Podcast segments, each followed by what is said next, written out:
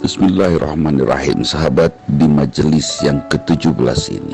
Kebalikan daripada ketakwaan. Kalau takwa saya simpan di sisi A Maka majelis ke-17 ini berada di sisi Z. Wallahu alam Orang kafir. Siapa orang kafir itu?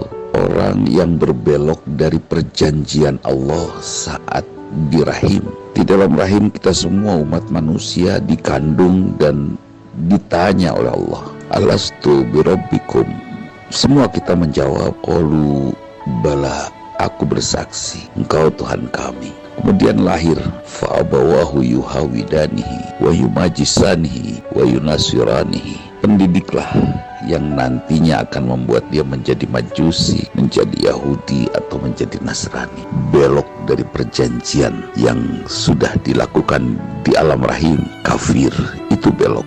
Kemudian setelah belok ini yang berat. Karena itu hati-hati di dalam memilih lingkungan, teman, dan cara mendidik.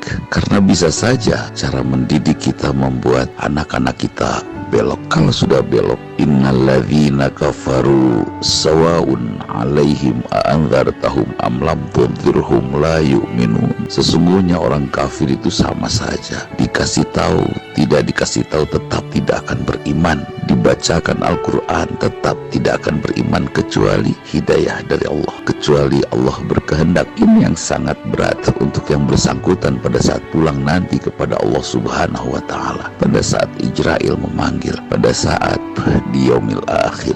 Jangan sampai kita menjadi orang yang dikasih tahu, tidak dikasih tahu, sama saja tidak berubah. Setiap ada orang memberikan kabar, cerna dengan baik, bermanfaat, terima tidak bermanfaat tolak ukuran bermanfaat kira-kira membuat kita dekat tidak dengan Allah. Itu saja. Ketika kita mendengar apa pun membaca apa pun kira-kira yang kita baca yang kita dengar membuat kita dekat tidak dengan Allah. Kalau itu membuat kita dekat dengan Allah ilmu bidang ilmu apa pun kalau membuat kita dekat dengan Allah dengar dan sikapi dengan akhlak mulia tentunya. Kalau tidak tinggalkan. Tidak usah kita maki. Hati-hati. Mudah-mudahan Allah menjaga kita dari kekufuran menjaga keturunan kita. Jangan ada seorang pun keturunan kita yang murtad dari Allah subhanahu wa ta'ala. Mudah-mudahan bermanfaat. Kita lanjutkan apa penyebab kekafiran itu pada majelis ke-18 nanti. Assalamualaikum warahmatullahi wabarakatuh